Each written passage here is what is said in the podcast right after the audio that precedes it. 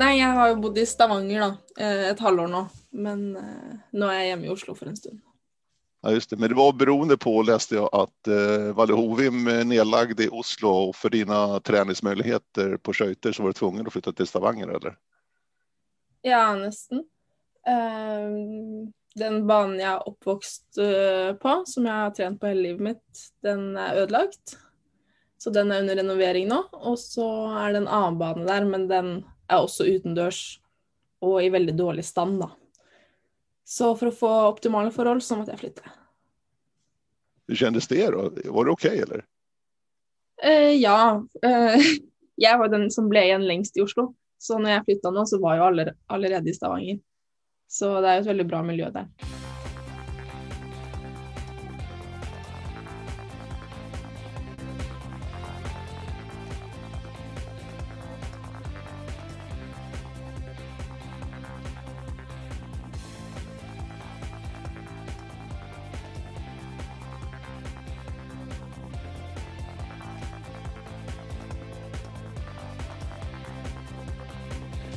Ragne Wiklund, eh, varmt välkommen till Radio O-ringen Podcast. Tusen hjertelig takk.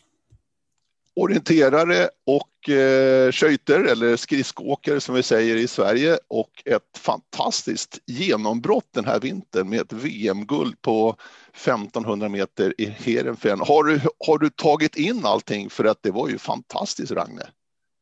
Eh, jo, jeg har vel landet ganske greit nå. Kommet tilbake i rutiner og treningshverdagen igjen. Så det er veldig deilig, egentlig. Men det var en stor överraskelse för dig också att vinna det där VM-guldet. Ja, veldig. Det gikk jo Vi var jo nede i Nederland i fem og en halv uke og konkurrerte fire helger. Eh, så hver helg gikk jo egentlig bedre og bedre, men at jeg skulle avslutte med et gull, det hadde jeg aldri trodd. Nej, det ska bli väldigt spännande och lyssna på din resa för att du är en väldigt duktig orienterare också. Därför är det ju passande då och eh, ha med det här på Radio O-ringen Podcast. Jag fick ett mejl nämligen ifrån eh, en klubbkamrat till dig, Isak Jonsson i Nydalen eh, skidklubb som är din klubb där du springer för orientering, att han ville gärna att du skulle vara med här på Radio O-ringen Podcast. Och det tycker jag också. Det är en fantastiskt bra idé. Så att det där ska vi försöka bena ut lite grann, både vad orienteringen och eh, skridsko. Men om vi börjar i orienteringsvärlden, eh, eller rättare sagt hur du ser på dig själv. Nu med VM-guldet förstår jag att du kanske ser det mer som en skridskoåkare och satsar mer på skridskor naturligtvis. Men hur har det varit? Har det varit både och så att säga, både orienterare och skridskoåkare? Ehm, jeg har nok vært mest skøyteløper. Mhm. Ehm, jeg tror ikke jeg trener nok orientering til å hevde meg sånn på et høyt nivå over tid, i hvert fall. Um, selv om jeg lever nok veldig godt på det at jeg har trent veldig mye orientering da jeg var liten. Uh, så jeg um, kan jo løpe veldig bra løp, men jeg holder det jo ikke ved like sånn kjempebra. Um, selv om jeg er jo i veldig god fysisk form og trener, løp, prøver jo å løpe flere ganger i uken, så er det ikke det som har hatt mitt hovedfokus de siste årene, da. Men Eh, kombinationen, Ragnhild, kombinationen orientering på eh, somrarna då på barmarkssäsongen och eh, skøyter på vintern, är det en kombination som ändå fungerar ganska gott skulle du säga? Ja, jeg er veldig fornøyd med det, så jeg kommer til å slutte med det med det første, i hvert fall. Nå har jeg jo vist at eh, man kan få VM-gull med å løpe orientering på sommeren, så da er det ikke noe vits i å slutte nå. Ehm, så det er jo bare det at eh, jeg ikke får konkurrert kanskje så mye, da.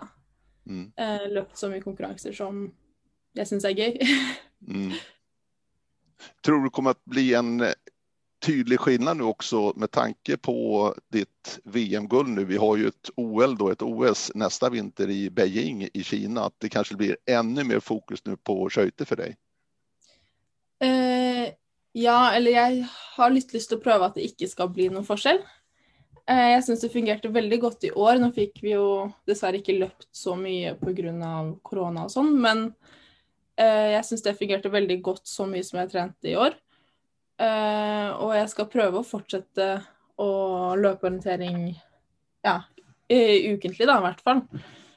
Selv om det går inn mot OL-sesong og kanskje man får litt press på at nå er det all in, men ja, jeg tror at orientering er en del av min all in, da. Mm. det, det, det, låter bra. Men vad är det i orienteringen som, som du liker väldigt, väldigt mycket? Eh, jag liker det är ju, för det första så tror jag jag får väldigt gott ut av det sånn utholdenhetsmessig.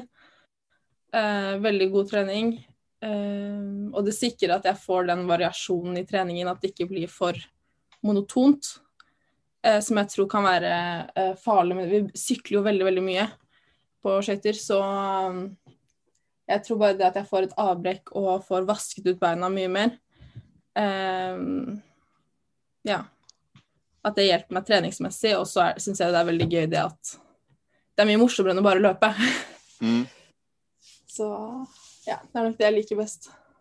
Jag tänker träningen ska vi komma tillbaka till lite grann Ragne, men är det också mm. den, här, den här sociala sidan, för att den är ju också en viktig del av, för oss människor överhuvudtaget, men den sociala sidan orienteringen känner jag är väldigt, väldigt stark. Det är många som påpekar det, att just den sociala är, är viktigt inom orienteringen. Ja, absolutt. Det er jo det jeg har vokst opp i. Og um, for meg er det et veldig mentalt avbrekk å kunne reise på samling med orienteringsmiljøet, da. Så ja, prøver å gjøre det så mye som mulig for å koble litt av. Mm. För du driver ju med två väldigt, väldigt individuella idrotter kan man ändå konstatera. Mm.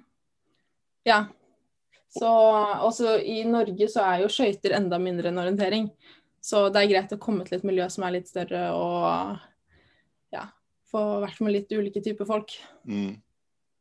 Du, orienteringen, har du haft eh, med dig den eh, sedan början? Jag menar dina föräldrar, din mor och far och så där var också orienterare eller? Ja, så det har jag drivit med hela livet. Och varit duktig också hela livet eller? Uh, Jeg er i hvert fall god til å løpe. Uh, så orienteringen kom vel litt sånn etter hvert at jeg begynte å finne fram òg. Men uh, ja. Jeg har hevdet meg ganske bra i uh, klassene siden jeg var liten, ja. Mm. För du har varit med på några, i alla fall ett vet jag, eller kanske två du har varit med på junior-VM med Jayvok. Ja, två stycken. Två stycken, precis. Mm. och var med i bronslaget 2018. Ja. Vad minns du från den, det, det givet? Var det i Finland eller var var det någonstans? 18? Uh, nej, det var, nej, det var 17. Det var 17 i Finland. Jag var med i Finland nu och så var det i Ungern. Just det, Ungern var det precis. Just det. Uh, nej, det var egentligen ett väldigt, väldigt bra mästerskap för mig tror jag. Jag hade en väldigt god säsong det året. Uh, men så hade jag ju, uh, det är ju mellandistanser jag liker bäst och som jag ofta löper bäst på.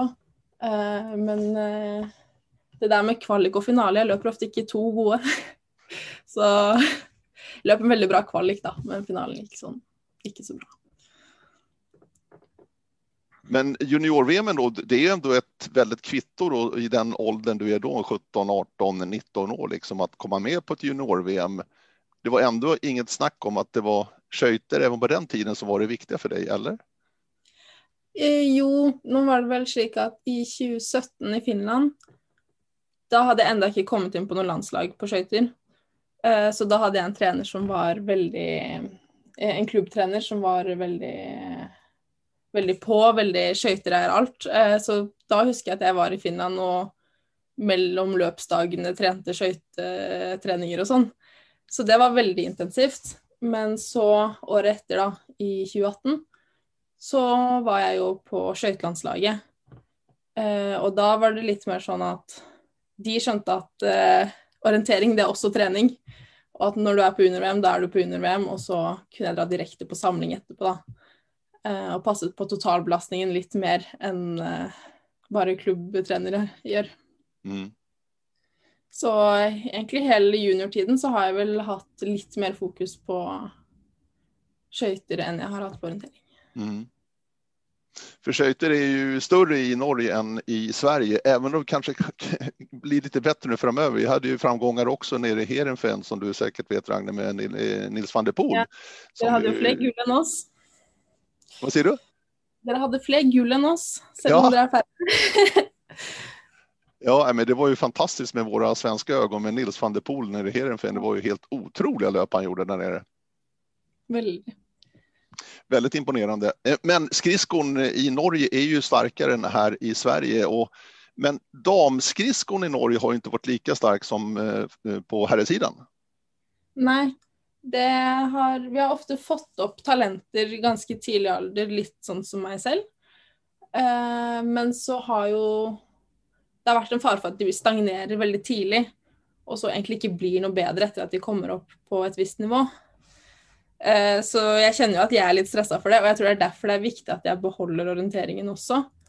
For å passe på mitt eget Å ha kontroll over mitt eget treningsprogram. Eh, uh, for jeg tror at disse jentene som har kommet opp på landslaget og stagnert, da, uh, at det ofte er det at de blir litt hengende på det guttene gjør. At det er de som får spesifisert treningsprogrammet sitt. Og så blir det ofte litt mye, litt monotont, og så blir det ikke noe bedre. Uh, så jeg er litt stressa for det nå, men jeg skal prøve å bevare kreativiteten og ja, lekenheten i programmet. Så orienteringen, säger du då, Ragne, blir en form av att du kan koppla bort lite grann eh, den här stressen då vad det gäller skridsko, den satsningen där, att du får eh, något annat att tänka på liksom? Mm, absolut. Uh, jag går runt och tänker på skøyter hela tiden och det tror jag är väldigt gott av. Mm. Ja, det är jättespännande. Vi hade ju, eller vi har fortfarande, det har ju gått ett år nu eh, ungefär sedan eh, coronapandemin satte eh, tänderna i oss riktigt ordentligt. Hur har det påverkat dig och ditt liv, Ragne, skulle du säga? Um, I starten så påverkade det mig inte så mycket, för då var jag hemma, bodde hemma Og jeg gjorde det jeg pleier å gjøre, bare trene og studere og ikke noe annet. Um, ehm, men så Og jeg trodde jo at det kom Og så På sommeren så skulle vi jo gjerne dratt på samlinger. Um, ehm, men da ble vi værende i Norge, og det tror jeg egentlig at vi hadde veldig godt av alle sammen. At vi ikke reiste så mye. Uh, ehm, fikk bedre kontinuitet i treningen osv. Og, uh, og så da vi kom til høsten, så flyttet jeg jo da til Stavanger for å gå på skøyter. Uh, og da var det I starten fikk vi jo ikke noe sesong og noe løp. Uh, så det var veldig tungt der og da, men vi trodde hele tiden at vi skulle få til noe mot slutten av sesongen, så vi klarte å holde motivasjonen oppe til en viss grad. Og så følte jeg at det egentlig var veldig bra det at litt færre løp gjorde at vi kunne holde treningsnivået oppe mye høyere og mye lenger utover høsten. Så det òg tror jeg vi hadde veldig I hvert fall jeg hadde veldig godt utbytte av. Så du kunde fokusera på det du skulle göra då vad det gäller träningen istället för att packa väskan, åka iväg på någon training camp eller tävlingar eller vad nu är och att det, det gynnade dig, det är det du säger? Ja. Uh, vi må pakke med oss sykkel hver gang vi skal ut og reise, og det er kjempeslitsomt. Ja. Så, ja, jeg syns det har vært veldig deilig. Ja. Men då innebär det också att det här tar du med dig lite grann, det här konceptet, det här upplägget att man kanske ska resa lite mindre för att få mer kvalitet då, så att säga, på hemmaplan och kunna träna och bli ännu bättre.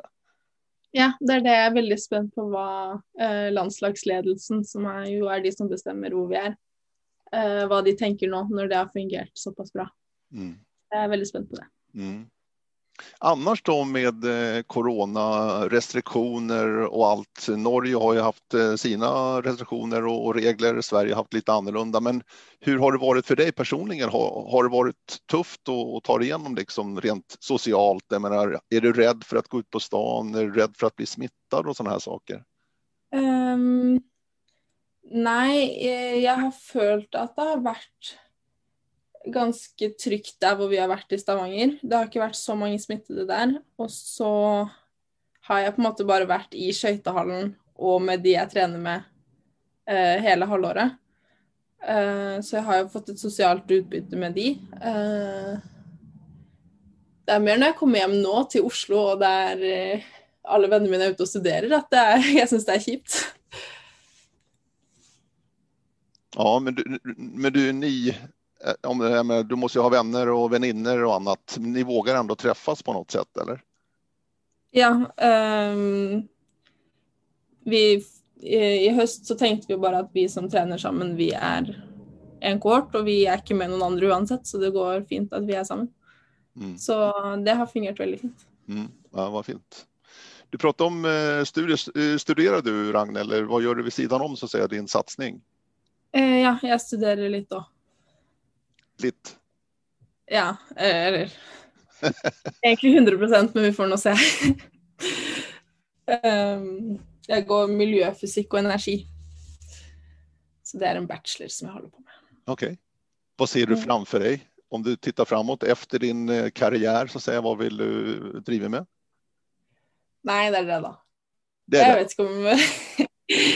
vi får se vad det blir, tänker jag. Ja, jag förstår det. Jag vet inte om jag när jag kommer ut av idrottsmiljö om jag klarar att skulle ha en vanlig jobb eller om jag vill fortsätta jobba i miljö. Det får mm. vi se. Mm.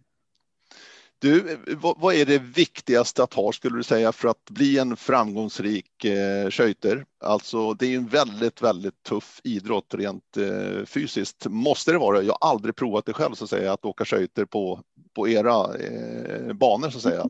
Eh, det är en imponerande idrott på det sättet. Men, men vad krävs? Vad, vad är det viktigaste skulle du säga egenskapen du måste ha för att lyckas?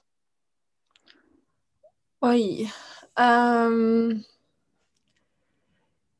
jeg vil jo si at nesten det viktigste å ha på plass er teknikken. Mm -hmm. Fordi den fysiske formen, det skal man klare å trene opp ganske greit.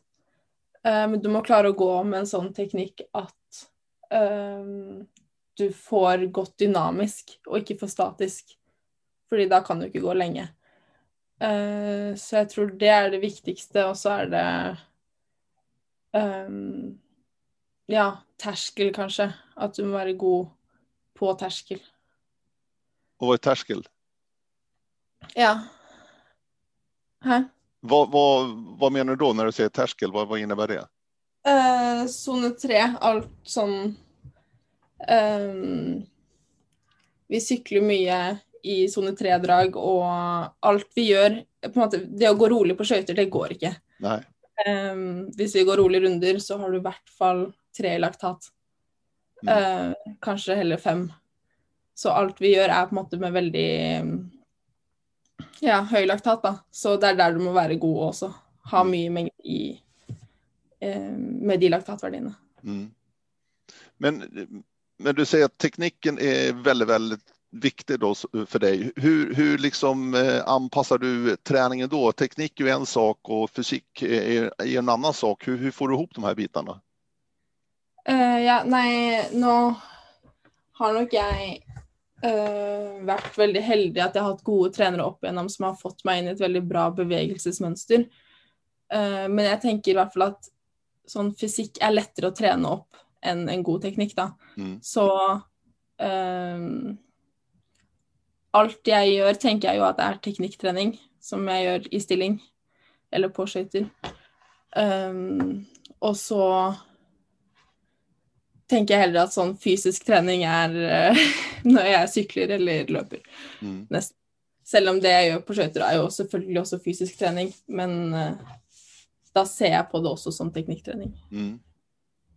Du, cykling nämner du ofta, löpning är också naturligtvis en del av orienteringen, men du verkar gilla att löpa eh, väldigt, väldigt mycket och långa fina pass också löpmässigt är det där du lägger grunden för din kondition skulle man kunna säga? Eh, ja, det är det. Eh, jag tänker att nu för jag börjar upp och träna med skøyteløperne i maj så ska jag i alla fall få in en eh, hel del långturer på löpning. Um, så att jag har grundlaget gott nog till att börja träna igen. Mm.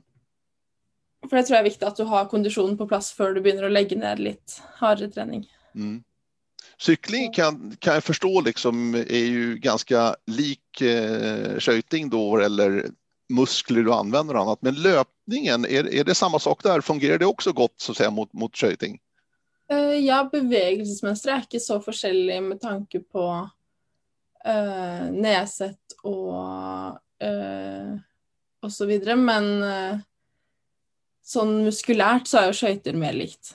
Um, men jeg tror det er derfor jeg liker å løpe også, fordi det er uh, andre muskler, og at jeg kan uh, ja, få vasket ut av beina når du har eh, hatt økter og kan virkelig liksom begynne på nytt neste dag. Mm. Ikke at du bruker samme musklene hele tiden, og at det blir veldig monotont. Mm. För min känsla är när man, eh, när man eh, tittar på skøyter på, på tv oftast då, när man ser det, är ju att det handlar om att tåla mjölksyra väldigt, väldigt mycket. Stämmer det Ragne? Eh, ja, det är väldigt ont. um, ja. ja. Men går det att beskriva? Vad, vad handlar om? Du, du vet att den här smärtan kommer någonstans in i loppet. Ja. Hur, hur hanterar man det? Hur hanterar du det? Nej, man må jo bare stå i det. Du må, du må bare komme seg til mål. Um, nei, jeg vet ikke. Uh, det kan vel sammenlignes med om man løper eh, et kort bakkedrag eller noe lignende på kanskje ett minutt, og så løper du helt maks. Men jeg, tror, jeg vet ikke om O-løpere får opp den samme Nei. melkesyreverdien om de skulle bare løpt maks opp et minutt. Mm. Um, for vi kan jo Vi har sånne bakkedrag f.eks. på sommeren. Så kan vi løpe ett drag, og så er det opp i 20 i laktat. Det vet jeg ikke om Liksom Mm. Det er mye å få syra i, da. I hvert fall. Mm. Vi har jo litt større lår. Mm. Så uh, Men det er vel kanskje det nærmeste jeg kan sammenligne det med. Mm. Skulle, du säga att eh, den stora utmaningen för att lyckas på skridskor, ja, absolut att du har talang och du har tränat och allting, men det är att hålla ihop tekniken också samtidigt som du får eh, den här mjölksyran och den här smärtan så att säga, att hålla ihop allting hela vägen. Ja, det er kjempevanskelig. Um, hvis man ser på video av meg som går på skøyter, og med en gang jeg blir sliten, så går jeg tilbake til de bevegelsesmønstrene jeg hadde da for fem år siden. Mm. Bare- Man bare faller tilbake i teknikk, da. Mm. Um, men eh, ja, det er noe av det viktigste for meg i hvert fall, er jo å finne ut hvordan jeg skal holde de to siste rundene på 3000 oppe med teknikken. Mm. Gjorde du mycket under pandemiåret då, 2020 in mot det här VMet nu och VM-guldet då i Heerenveen här i februari månad 2021? Jobbar ni, gjorde ni några stora förändringar, vad så jag säga, gjorde ni stora förändringar i, i tekniken som nu också har gett resultat skulle du säga?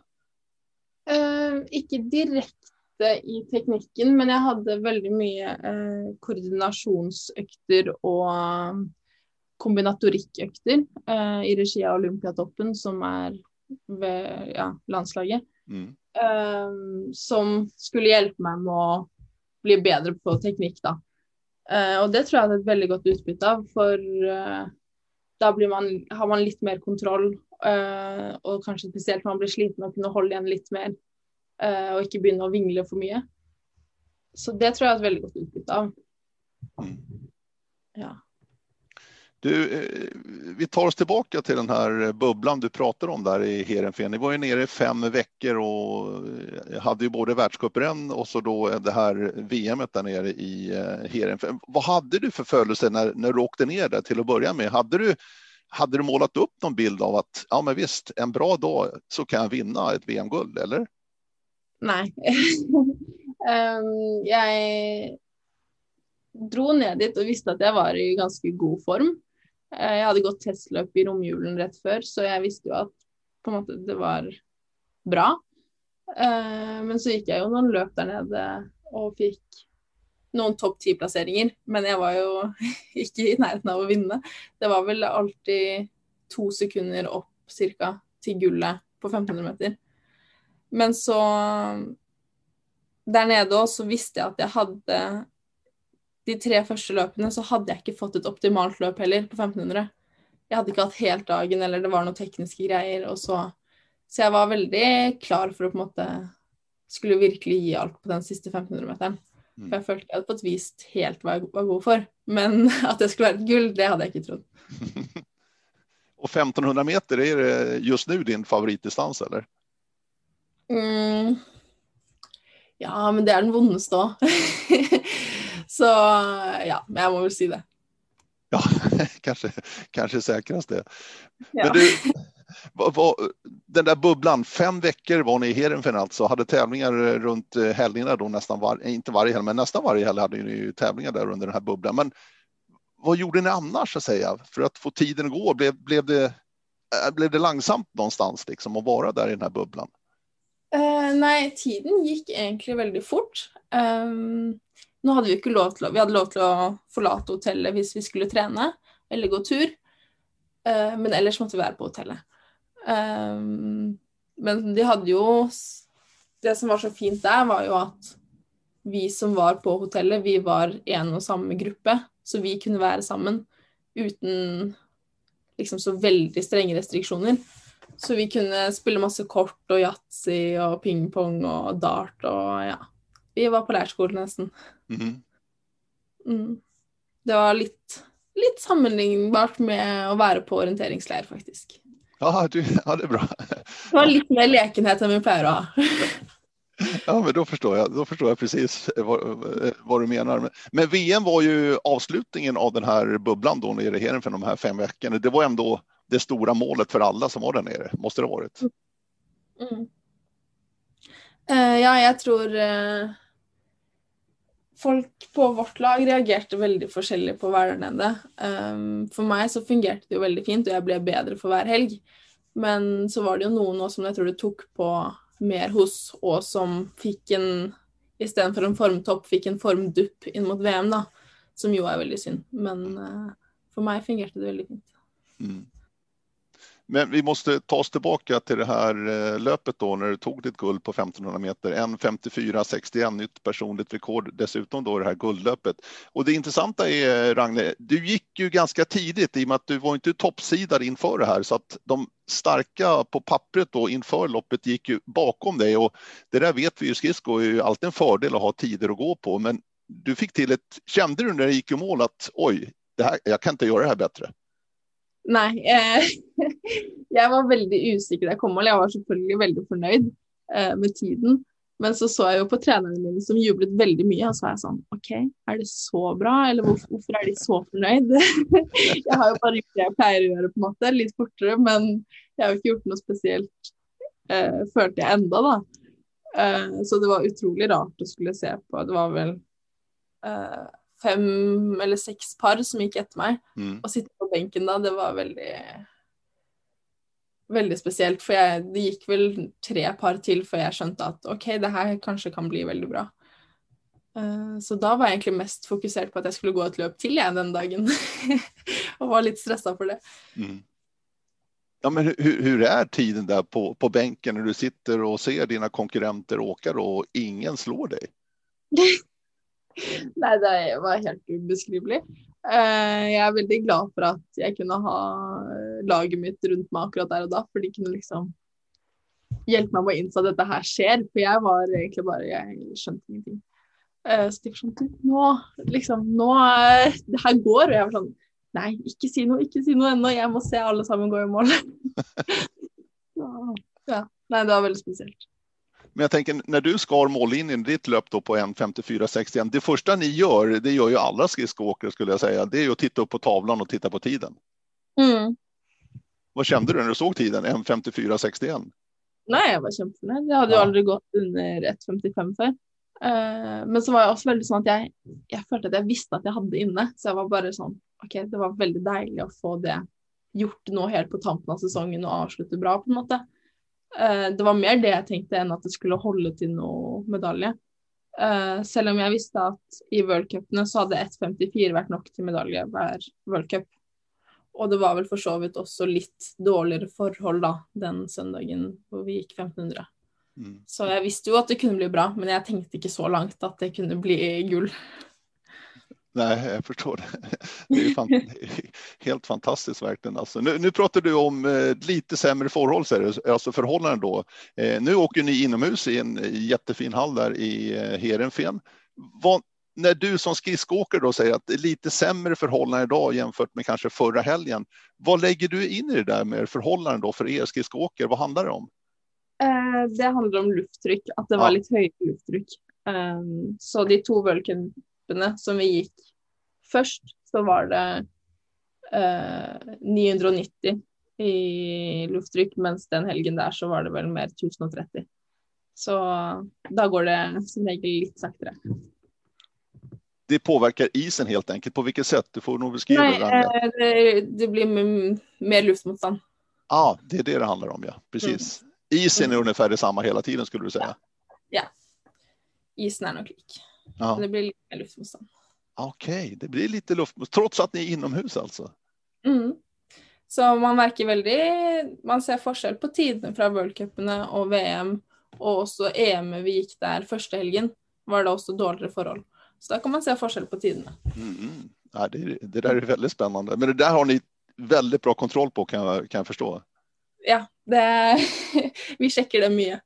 Ja. Vad hade ni lagt upp för schema? För att det gör ju ni alltid, liksom rundetider och det här är ju någonting som ni lever med verkligen. Vad hade ni pratat om inför det här loppet så att säga? När ni visste vilka förhållanden det var eh, och vilken form du var i. Vad hade ni lagt upp för rundeschema?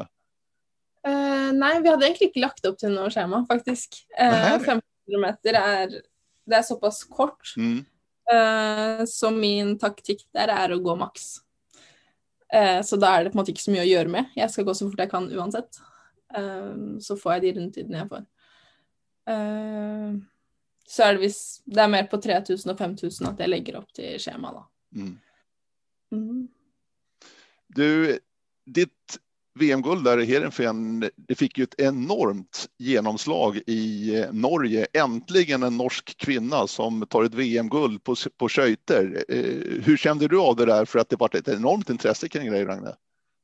Ja, det var väldigt intenst. Uh, och så var jag, det var nästan lite oförväntat för uh, jag hade ju gått så bra där nere tidigare helger också och media hade ju egentligen inte brytt sig. Uh, så jag var nästan så jag bara hade förväntat att de inte skulle bry sig om detta här heller.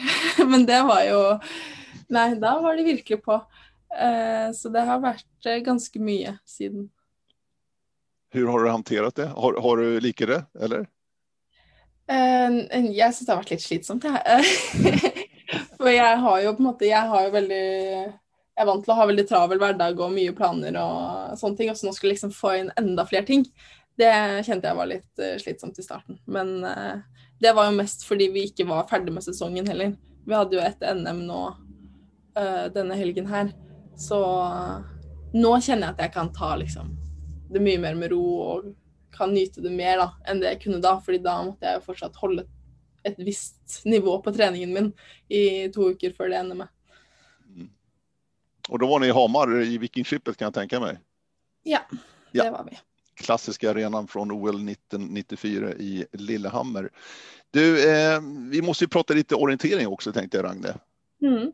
Och sen ska vi prata lite OL i Beijing också. Men du, eh, du representerar Nydalen. Har du gjort det hela ditt liv eller orienteringsmässigt? Är det Nydalen som har varit din klubb? Ja, det är det.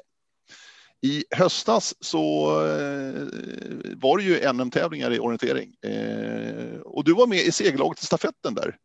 Ja, Mm. Nydalen, ni hade två riktigt bra lag på benen. Det där... Ja, det var väldigt gøy. Eh, da kom vi på andra laget och fick löpa ankeretappe för första gången, så det var ju väldigt moro siden jag pleier å være en førstetappeløper for Nydalen. Så det var gøy att få göra något lite annorlunda och också löpa bra. Eh, det var väldigt gøy. Vad liker du mest med orientering? Uh, altså, det er å finne fram. Är inte det man liker bäst? Jo, absolut. jo, men det är väl det. Men, men just det här, det, det, det är ändå så pass olika idrotter, skøyter när ni är innendörs, eh, oftast då med den här eh, ovalen ni, ni skrinar runt. Orienteringen är ju en helt annan frihetskänsla säger jag också. Ja, ja väldigt. Det är ju väldigt härligt att komma sig ut med, sammanlignet med det att skulle gå runt och runt på en skøytebane. Så eh, det nyter jag väldigt. Mm. Nydalen är ju ofta en av de större klubbarna också när det kommer till eh, orienteringskonkurrenser i både Norge och även när det kommer till O-ring till exempel i Sverige. Nydalen har ju alltid mycket folk och många som är med och det är en, det är en väldigt stor klubb. Är det någonting du, du också uppskattar väldigt mycket? Ja. Um jag har alltid, det har varit, det har alltid varit ett väldigt bra eh, miljö i Nydalen så länge jag har uh, löpt där. Och nu som kanske många av de jag är van till att löpa med har uh, flyttat bort för studier och bytt klubb och sånt, så kommer det alltid upp nya och det är alltid ett miljö och det, det syns jag är väldigt fint. Mm. Uh, och då jag var lite yngre eller junior så var det ju mest gutter och guttemiljö, men nu kommer det upp massa jenter så det syns jag är väldigt kul att se. Ja, jag förstår det.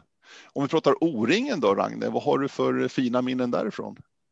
Jag har massor fina minnen. Ja, du har det? Ja, trevligt. Ja, jag har väl löpt O-ringen sex gånger. Um, og det er jo alltid det morsomste løpet å være med på på sommeren, syns jeg. Um, veldig sosialt og Ja, og så liker det at man har mange sjanser til å løpe bra. Det syns jeg er gøy. Mm. Uh, ja. Jag har ett minne från dig faktiskt, Ragne, och det är från 2017 i Arvika, nära Norge, i Värmland där. Ja. När du sprang i eh, D18 Elit, måste det ha varit va? Jo, det måste det ha varit. Det är ganska klart tror jag. 2018. Jo, men då är ju du, ja du just det, du är 18 då, precis. Du är född 2000 va, är det inte det? Ja. Ja, jo. precis. Eh, då vann väl du fjärde etappen? Ja, det är fjärde etappen som är min etapp. är det det? Har det alltid varit så? Ja. Eh, ja, jeg har vel i hvert fall vunnet den en del ganger, tror jeg. Mm. Og så nå siste gang så ble det vel en tredjeplass, men det, jeg får leve med det òg. Eh, men det er jo den etappen som har vært mellomdistanse, og det er jo det jeg ja, ofte har løpt best på, da. Eh, så ja.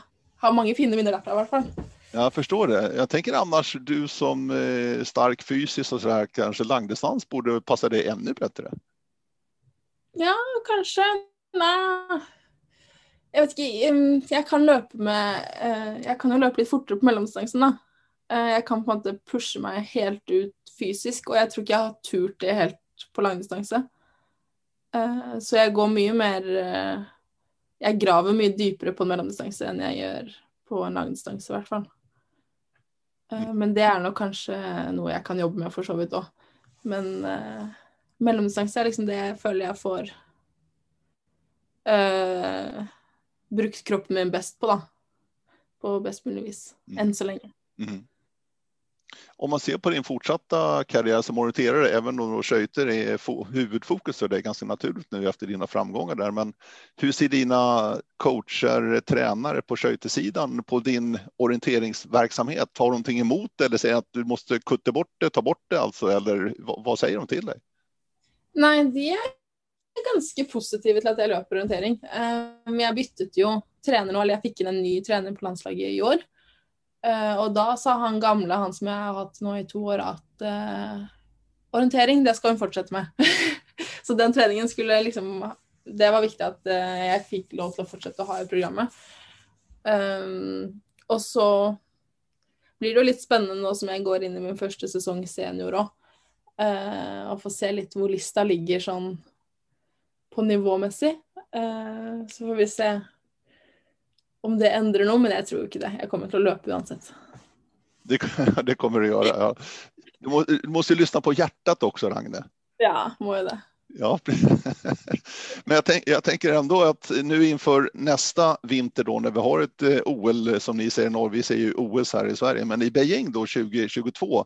Hur stora förändringar blir det för dig tror du? För att nu är du ett stort eh, medaljhopp kan vi i alla fall säga, kanske inte guldhopp, ja det också, men ändå inför OL i, i Beijing. Hur kommer det förändra ditt liv och din träning och upplägg och allt? Är det stora förändringar tror du? Nei, det tror jeg ikke.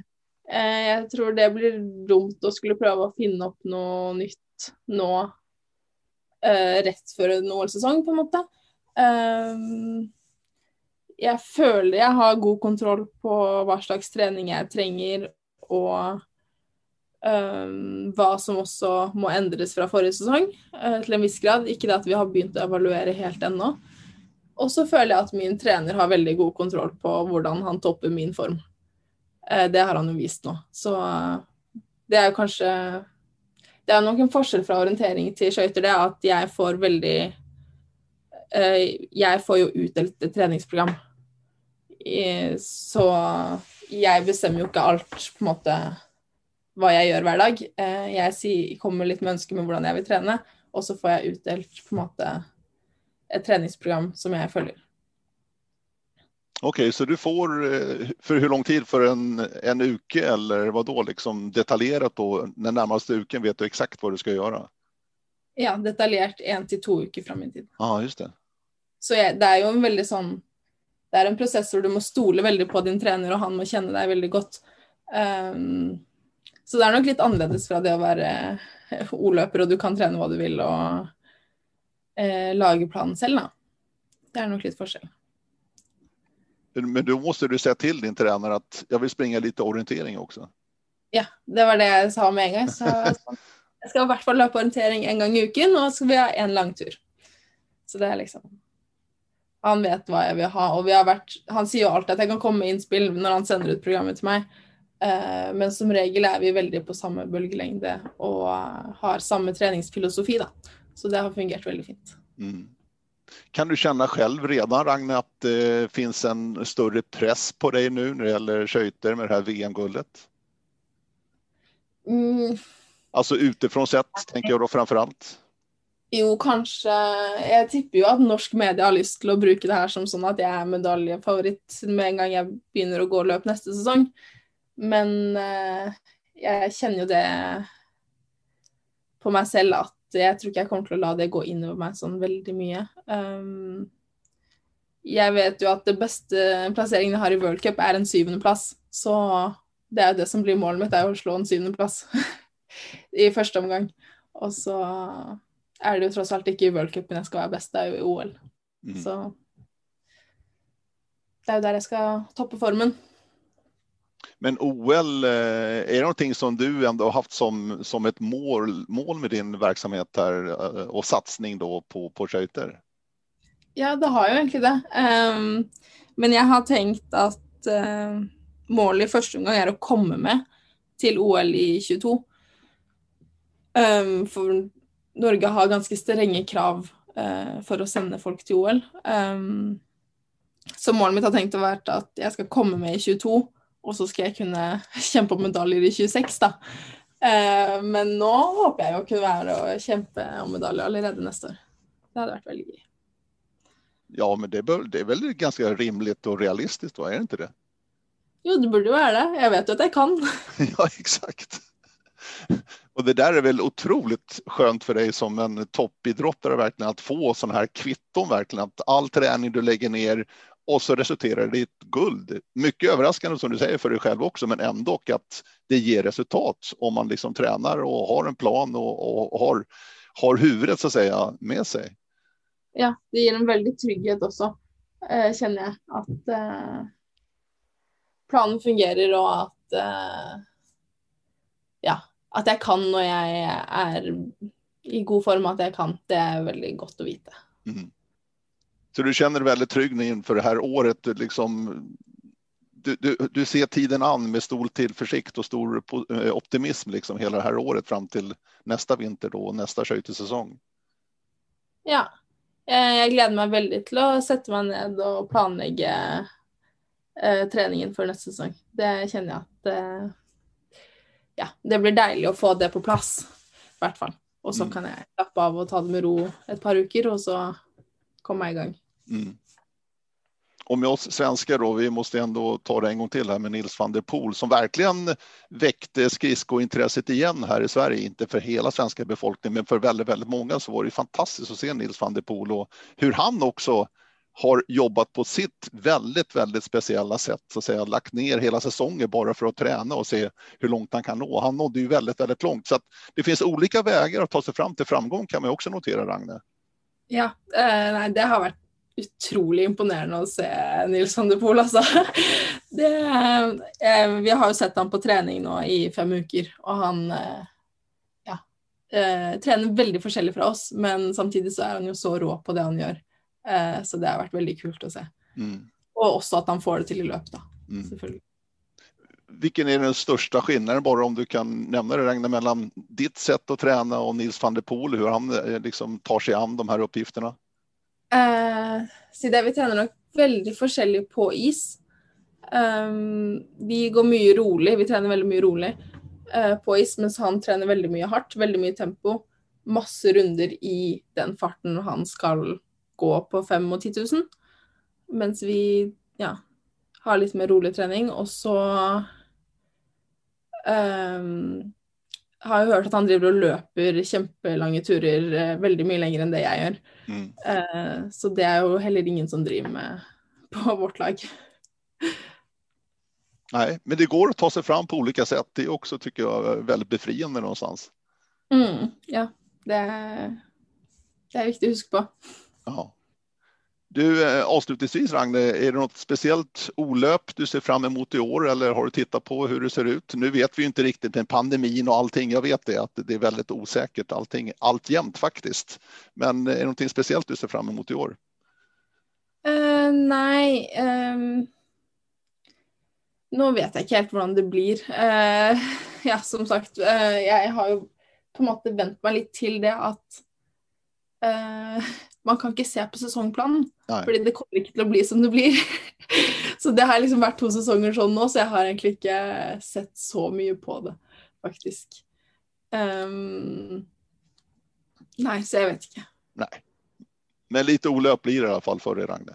Ja, absolut. absolut. Jag, men det blir ofta lite mer eh, Det har jag märkt de sista åren, att det blir mer sånn spontant att oj, nu är det ett löp, då melder jag mig på. Uh, att det är, det er oftere att jag inte räcker påmeldingsfristen nå enn før, i hvert fall. så, så får vi se. Jag dukker nog upp. Det låter bra, Ragne. Du, eh, stort tack Ragne för att du var med här på Radio Åringe Podcast. Jo, tusen tack för att jag fick komma. Väldigt, väldigt trevligt och stort lycka till verkligen i dina, eh, din satsning nu mot OL i Beijing 2022. Så hoppas att vi ser på, ses på någon orienteringstävling, något olöp här också under året. Ja, det hoppas jag. Ja. tack. Stort tack Ragne. Hej då. Ha det bra.